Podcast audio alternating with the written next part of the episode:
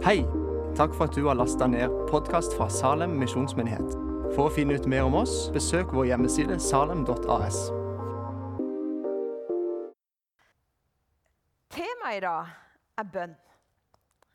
Eh, jeg skal begynne bare med å si noe kort om hva bønn er for noe. Jeg har lånt av en som kalles for broder Andreas. Han sier at bønn er ikke en monolog, men en dialog.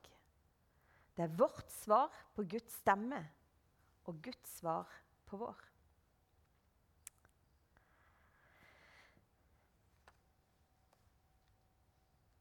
Før jeg går videre, så skal jeg dele et vitnesbyrd. Det er nemlig sånn at det er ei jente i ungdomsflokken som heter Linn. Linn Charlotte heter hun. Hun ble kjent med Salem gjennom et års skoletid og kjenner Ester og Svein og Åse og alle som på en måte har vært der og, og gitt av seg sjøl. Etter hvert så begynte hun i ungdomsarbeidet, og så har hun på et eller annet tidspunkt fått et møte med Gud. Og Hun er med på alt hun kan få med seg av turer og leirer. og um, ja, hun er, hun er ei aktiv jente. Og så har jeg fått lov til å dele hos sitt vitnesbyrd fra påskeleiren som var nå i år. For når hun kom på påskeleir, så hadde hun nemlig en ankel eh, som var så, altså, Her så det ut som en sånn tennisball, for hun hadde forstuene og hadde vondt for å gå. Um, og På påskeleiren er det sånn at vi har møte hver formiddag klokka ti, og så hver kveld klokka åtte. Eller ja, ish. um, Og første kvelden så kommer Linn bort til meg løpende. Og, og, det er etter talen og sier hun, 'Elmerette, kan du be for meg?' Eh, 'Ja, det, det, er klart jeg kan be for deg.' 'Ja, hva skal jeg be om?' 'Du må be for foten min.' Og så viser hun meg denne ankelen, og jeg, jeg, tenker 'OK, mye be'. Og så sier, så sier, hun ja, jeg har nettopp vært hos Isak, han som leder. Han var, han var taler på leiren. Eh, og han ba for meg fire ganger, så det er fint hvis du vil be videre. Og da kjente jeg en sånn derre uh, Ja, det Really? Det tror jeg jo egentlig ikke at kommer til å skje noen ting. Jeg kjente liksom inni meg skal jeg si til henne at vi er så heldige at vi er velsigna med ei legevakt, og alle i Norge får gratis hjelp og alt det der. Uh, men så var hun liksom så utrolig sånn derre Og hun ville be mer. Så jeg, jeg får bare be. Det er hun som blir skuffa. Liksom, det var min innstilling. Her er dere sin ungdomspastor. Det var lurt at dere ansetter meg. Og så ber jeg for denne foten sin. Og så ber jeg, og det skjer ingenting. Og jeg ber, og det skjer ingenting. Og hun er bare sånn der eh, jeg bare, bare, En gang til. Og jeg ber, og det skjer ingenting. Så sier jeg skal vi be en gang til. Og Så ber vi, og så sier hun nå skjer det noe. OK? Ja, det ble litt bedre. Ja, men er det bra, liksom? Nei, det, altså, det, var, det var, bedre. Det var ikke fullt så vondt. Nå kan jeg gå på den uten at det gjør veldig vondt, sier hun. Og så kjente jeg liksom inni meg altså, vi må bare få opp legevakt. Vi kan jo ikke være helt blåst i hodet. Vi, må jo altså, vi må jo ta litt ansvar her. Men så glemte jeg det! Utover kvelden så skjedde det så mye. at jeg, altså, Den tennisklumpen som hun gikk med, den glemte jeg helt. Eh, og hun storma jo videre rundt i lokalet og fikk flere til å be for seg. Det var første kvelden.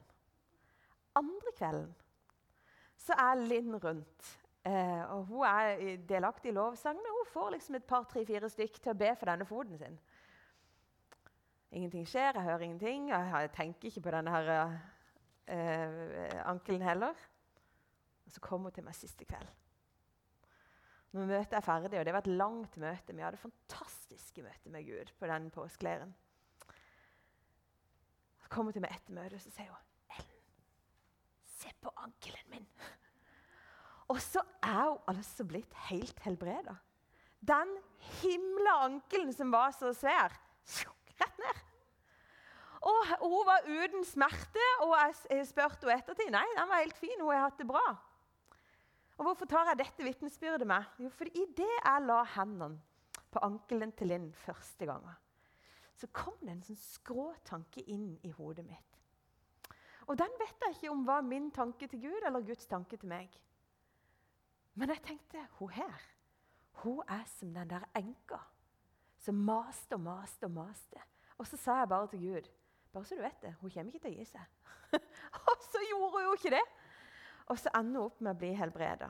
Og før vi går videre Ja, vi kan godt klappe for det. Klappe for det Gud gjør. Eh, før vi går videre, skal jeg be en bønn. Vi skal nemlig lese om enka og dommeren i dag. Herre, du vet hvem vi er, og du vet hvordan vi har det. Og du, Herre, du kjenner oss. Må du hjelpe oss å ransake oss sjøl sammen med deg. For jeg ber om at ditt ord skal bli synlig i dag. I Jesu navn. Amen. Da leser jeg fra Lukas, kapittel 18, vers 1-8. Så fortalte han dem, det er altså Jesus, en lignelse om at de alltid skulle be og ikke miste motet. I en by var det en dommer som ikke frykta Gud og ikke tok hensyn til noe menneske. I samme by var det en enke som stadig på ny kom til han og sa:" Hjelp meg mot min motpart, så jeg kan få rett. Lenge ville han ikke, men til slutt sa han til seg selv. Ennå jeg frykter Gud og ikke tar hensyn til noe menneske, så får jeg hjelpe denne enken til hennes rett, siden hun plager meg slik. Ellers ender det vel at hun flyr like i synet på meg. Og Herren sa, Hør hva denne uhederlige dommeren sier. Skulle ikke da Gud hjelpe sine utvalgte til deres rett? De som roper til han dag og natt. Er han sen til å hjelpe dem? Jeg sier dere, han skal sørge for at de får sin rett, og det snart. Men når menneskesønnen kommer, vil han da finne troen på jorden? Og Dette er en lignelse, og en lignelse det er en fortelling, kort fortelling som eh, blir fortalt for å liksom bare få fram et poeng. og Jesus bruker mange av dem, og ikke alle er like forståelige. Jeg syns heller ikke denne er den letteste. Og I denne eh, lignelsen så er dommeren, den uhederlige dommeren, han er et motstykke til Gud. Han er et motstykke, ikke, ikke den samme, men han er en med makt. Han er tydeligvis i denne landsbyen, eller hvor det er henne, så er han den som er maktutøvende, som har all makt til å endre menneskers liv. Og Der er det en link til Gud, for han er allmektig. Hvis det er sant, det som står her i Guds ord, så er Gud allmektig. All makt er gitt til Jesus Kristus, vår Herre. Og han er mektig til å forandre liv. Det som er tingen med denne her, eh, der stopper på en måte likhetene. For denne dommeren det står om han at han frykter ikke Gud. Og hva vil det si? Det vil på et vis si at han har ikke de samme verdiene som Gud. Det står at han tar ikke hensyn til noe menneske. Gud, står det i Bibelen, er kjærlighet. Og han her har ikke det samme verdisettet. Gud er opptatt av relasjon, og han her ser ut til å være en himla egoist. Det er ei enke som kommer til ham og sier 'Hjelp meg'. Hjelp meg. Og igjen og igjen så kommer hun. Kan du hjelpe meg?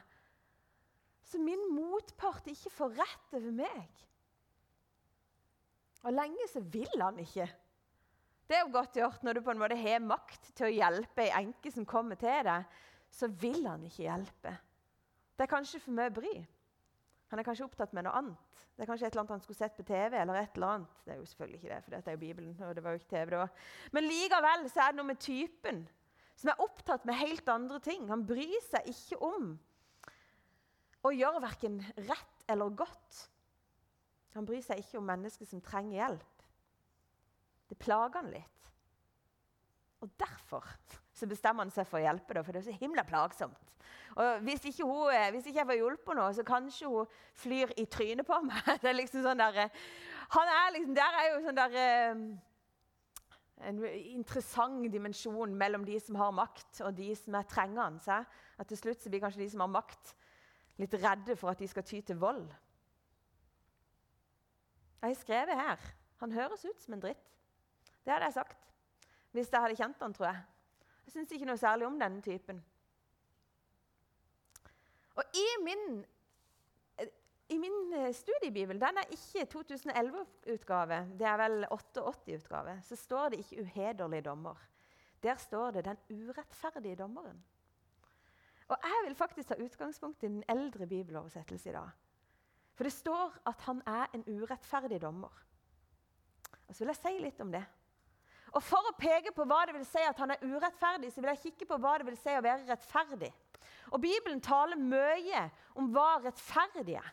Jeg kunne lett ha gått til Salme 1, hvor det står at den rettferdige det er han som har sin lyst og glede i Herrens lov, og som grunner på den dag og natt. Den rettferdige er som et tre som henter sin næring hos Gud. Men det er en historie i Matteus som faktisk er en av mine favorittbiter eh, i evangeliene.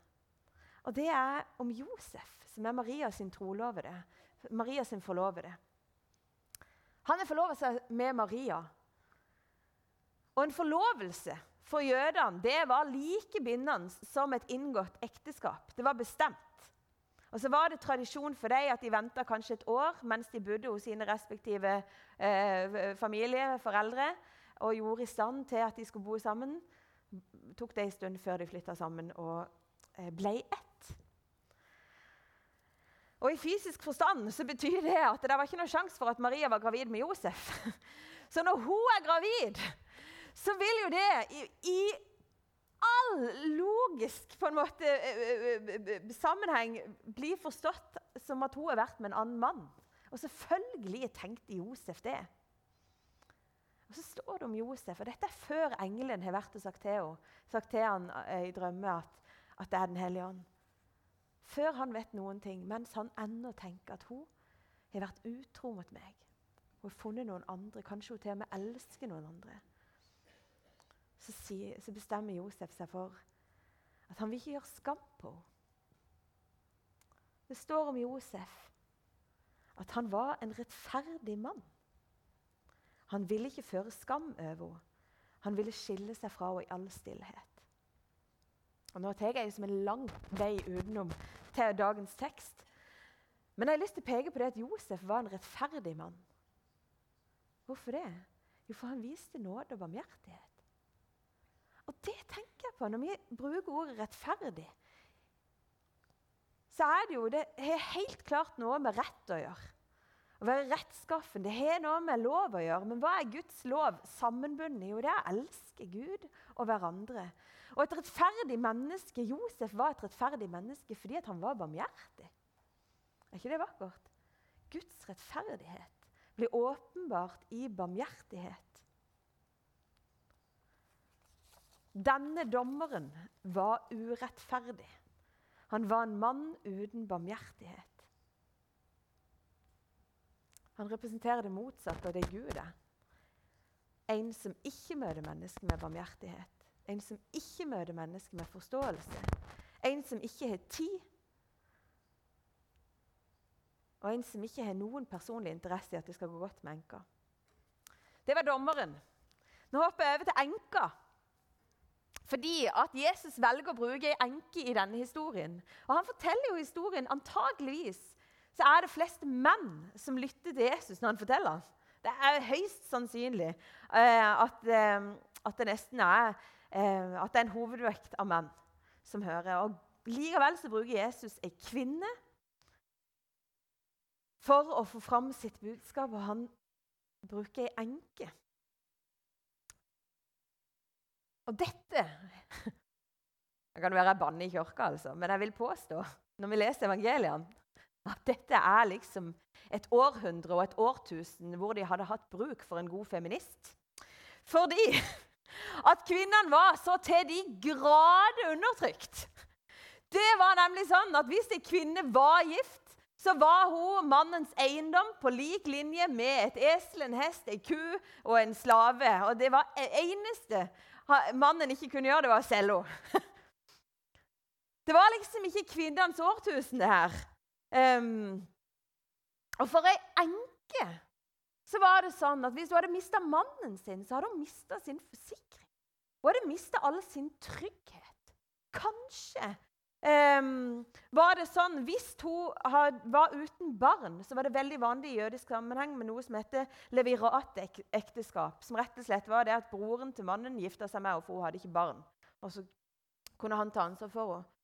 Men det var ikke noe velferdssystem som fanga opp enker som var uten inntekt, og som kanskje ennå hadde små barn eller unge barn som, som, ikke var i stand til å forsørge henne. For hvis hun hadde fått barn, så var jo det hos en livsforsikring. Og Når det står om at denne enka hadde et krav, så vet vi jo ikke hva det er. Jesus sier det jo ikke, og det er jo bare en lignelse, så det går ikke an å leie det i noen historiebøker. Men antageligvis så kan det være et krav som egentlig tilhørte mannen hos sin. Det kan være det at det var noen eiendeler eller eiendommer som tilhørte mannen rettmessig, og så var det bare det at hun hadde ikke noe rett etter at han var død. Hun var kvinne, hun var eiendom. Og så kan det være at det er noen andre som bare har som bare pff, tatt det. Eller ordna det på en måte som passa de, og så kommer hun til dommeren og så sier hun, kan du hjelpe meg mot min motstander.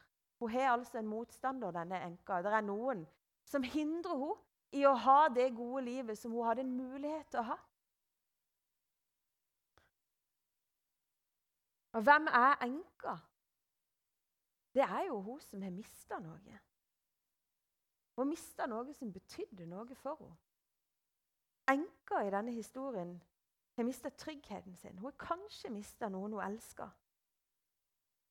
Og hun er blitt et menneske som er gått ifra å ha det som var nødvendig, til å trenge alt. Og til å gå, måtte gå så dypt at hun dundrer igjen og igjen på ei dør og sier, 'Kan du hjelpe meg?' Kan du hjelpe meg? Og Jeg tror ikke at det var fordi hun syntes det var så veldig gøy å gå til en mann som stadig avviste henne. Og Jeg ser for meg ei fortvila dame Kanskje en gang en vakker brud. Og nå ser jeg for meg en sliten sjel. En som er desperat. Det må jo være noe livskraft i henne, da, siden hun stadig kommer igjen. Men jeg ser for meg at hun etter hvert er trøtt. Hun er trøtt av livets utfordringer. Hun er trøtt av livet. Og hun er trøtt av å stadig banke på ei dør til en dommer som ikke bryr seg.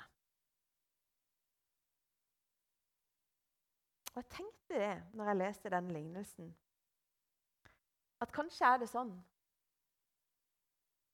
at vi kjenner ikke igjen i ham. For linken til dommeren, det er jo Gud. Han er motstykket til Gud. Men enka er jo på en måte oss. Vi er de som har mista noe. Og Noen av oss har mista noen vi er glad i. Noen av oss har mista det som var trygt. Og på livsveien Og det er jo godt gjort, for jeg skjønner jo at jeg er under gjennomsnittsalder her, så jeg sier det likevel. På livsveien så mister alle noen forestillinger av hva livet skulle bli. Og det gjelder òg når du er 33 og et halvt. Noen forestillinger av hvem Gud var, hvem Gud er, og hvordan livet skulle bli. De har mista. Kanskje har vi mista ansikt for noen, eller vi har mista stolthet, for den fikk en trøkk. Kanskje har vi mista glede eller fred, kanskje håp, kanskje mot, og kanskje tro. Nå syns jeg liksom at jeg er så dyster at jeg ikke, jeg vil ikke være Men jeg tror at det er noe her som rører i oss alle. For det er jo ingen av oss som er skånt for livet.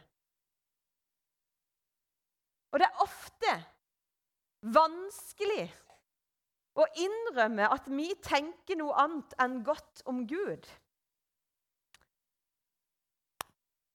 Men kanskje er det sånn at vi av og til forholder oss Når vi kommer som enker med alle våre behov, så forholder vi oss til Gud som om han var den urettferdige dommeren. Og det blir jo veldig karikert, da. Men kanskje vi tenker at han er opptatt med sitt eget, at han ikke har tid eller lyst til å se på min sak. Kanskje vi forventer, eller kanskje vi tror at han forventer at vi skal finne ut av det sjøl. Kanskje har vi bare en sånn opplevelse av å ha banka på den døra så mange ganger at vi er ikke helt sikre på at Gud bryr seg med dette. Kanskje vi tenker at det nytter ikke å be. Han gjør jo som han vil uansett. Jeg tror at vårt gudsbilde Og dette er veldig oppriktig ment. Jeg tror at vårt gudsbilde, måten vi tenker om Gud, det tror jeg at er under stadig prøvelse. Hva jeg tenker om meg sjøl, hvem jeg er, og hva jeg tenker om hvem Gud er, det tror jeg er under stadig utfordring. Og Hvis det skulle være sånn at vi kjenner oss litt for godt igjen i historien, så tror jeg at en av Jesu hilsener til oss i denne sammenhengen er den samme som han var den gangen. Og det er at vår Gud er ikke som denne dommeren. Vår Gud er ikke en urettferdig dommer. Vår Gud er den som vil hjelpe oss til vår rett. Vår Gud, og dette gjentar Jesus igjen og igjen og igjen, han er far. Og Bibelen sier noe om hans omsorg. Og Han sammenligner seg sjøl med en nybakt mamma. Da skal vi lese fra Jesaja 49, 15, for det ble jeg så, det jeg så veldig for meg mens jeg forberedte meg. Så står det Kan en kvinne glemme sitt diende barn? En omsorgsfull mor, det barnet hun bar. Selv om de skulle glemme, skal ikke jeg glemme deg.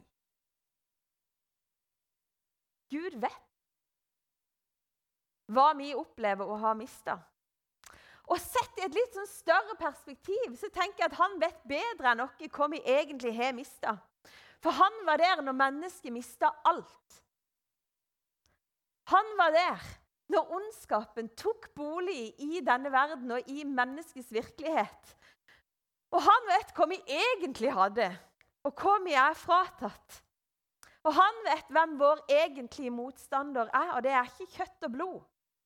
Det er en tyv som kommer for å stjele og myrde og ødelegge vår fred, våre glede, vår kjærlighet og våre relasjoner. Og Så sier Jesus, og det syns jeg liksom er overmodig sagt for jeg er ikke, i, første omgang så kjenner jeg Jesus det er ikke sant. Når Jesus sier om Gud at han er ikke sein til å hjelpe de som kommer til han. Da kjenner jeg inni meg jo, det er du, Gud. Du er altfor sein. Du er treg. Og jeg sier det kraftig, kraftigere enn dette av og til. For det syns jeg sannelig at stemmer med mine erfaringer. At Gud er ikke kjapp.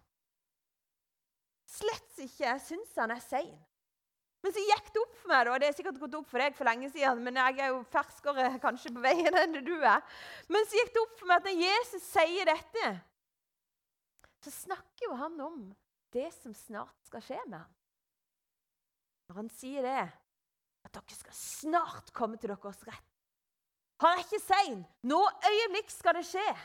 At dommeren kommer dere til unnsetning. For hva er det som skjer på Golgata? Jo, det er jo at selveste dommeren tar rettssaken i he, egne hender. Og så tar han hele rettssaken på seg sjøl. Hvorfor? For han er rettferdig på den måten han er. Han er full av nåde og barmhjertighet og fred.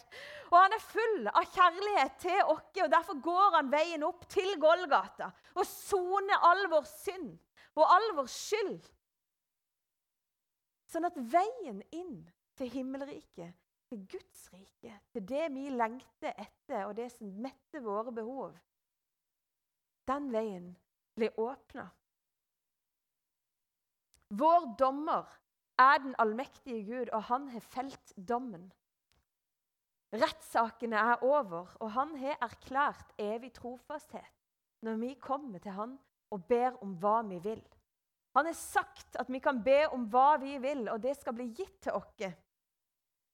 Og vi har fått alt med Kristus.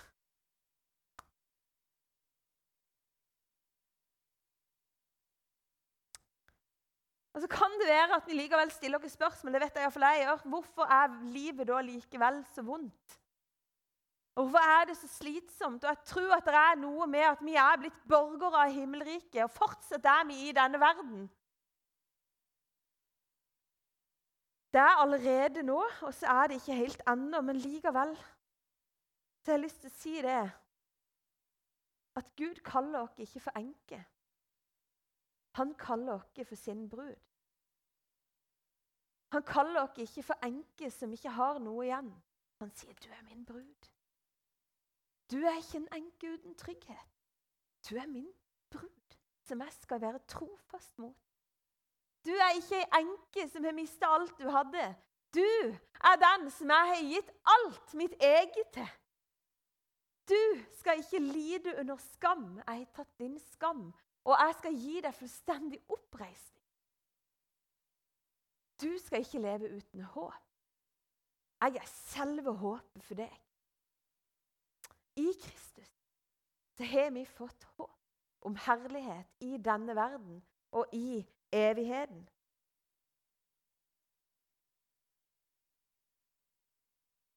Og hvor blir det av bønnen, Ellen Merete? Var ikke temaet bønn? Lukas sier jo faktisk det innledningsvis til lignelsen som sier at denne historien den fortalte Jesus til dem, sånn at de skulle be og ikke bli trøtte av å be. Og vi får lov til å høre Guds stemme og gi respons på den. Og han hører vår stemme, og han gir respons på den. Og jeg har lyst til å si det, og dette tror jeg av hele hjertet mitt. Vær den som ber han får. Vær den som kommer til Gud, får Gud. Og så er det ikke sikkert, for det vil jeg aldri garantere for noen. Jeg vet iallfall av min egen erfaring at det ser ikke ut sånn som jeg hadde tenkt. Men vær den som ber, han får.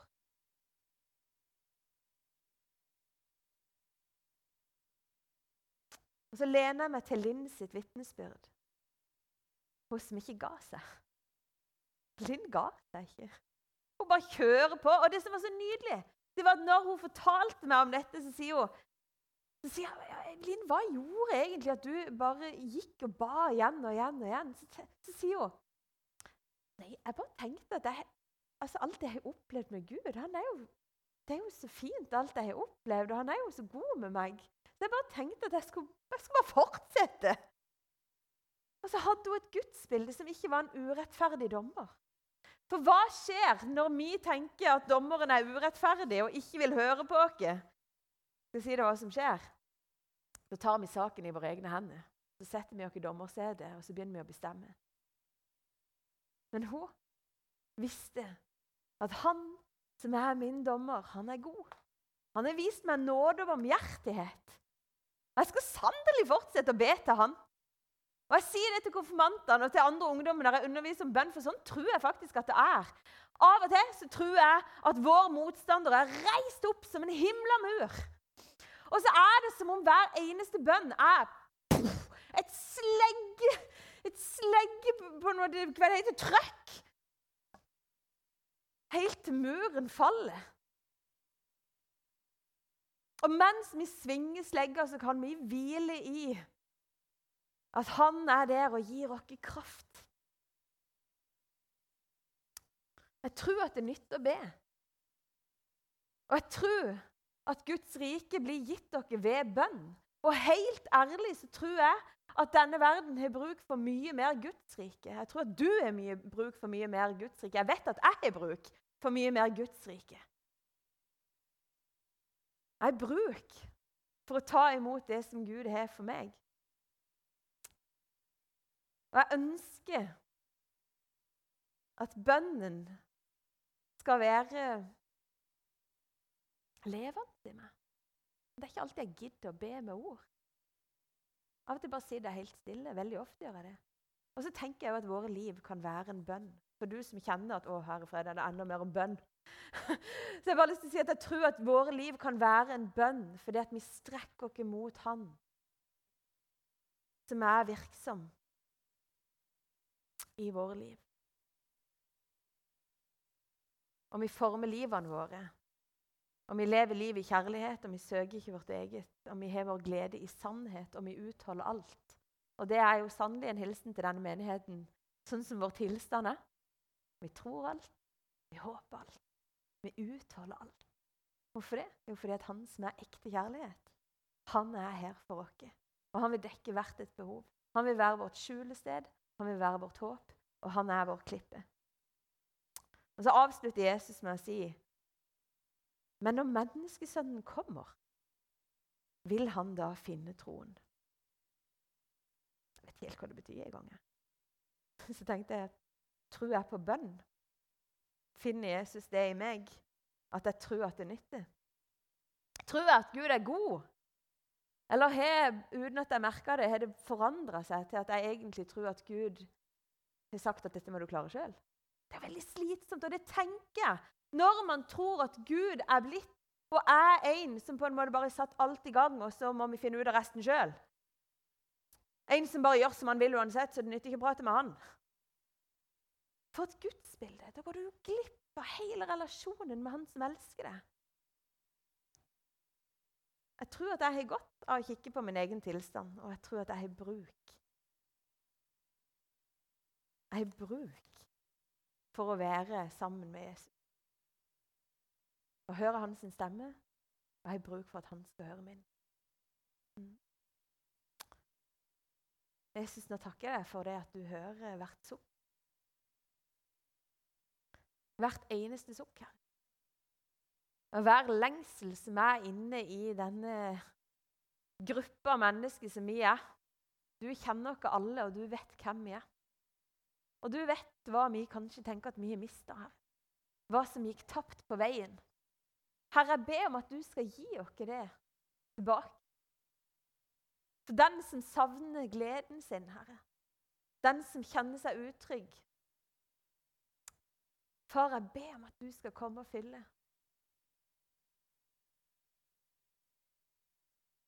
Jeg takker deg for du er ikke urettferdig. Du er full av nåde og barmhjertighet, og du har lyst til å være sammen Takk for det at når vi kommer til deg, så vil du gi oss av deg sjøl. Og jeg takker deg for vi trenger ikke være flinke til bønn. Hjelp oss til å stille inn hjertene våre, sånn at vi orker å være sammen med deg.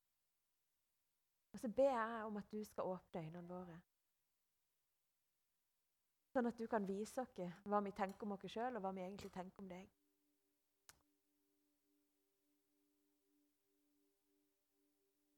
Kom med din ånd, Herre. Jesu navn. Amen.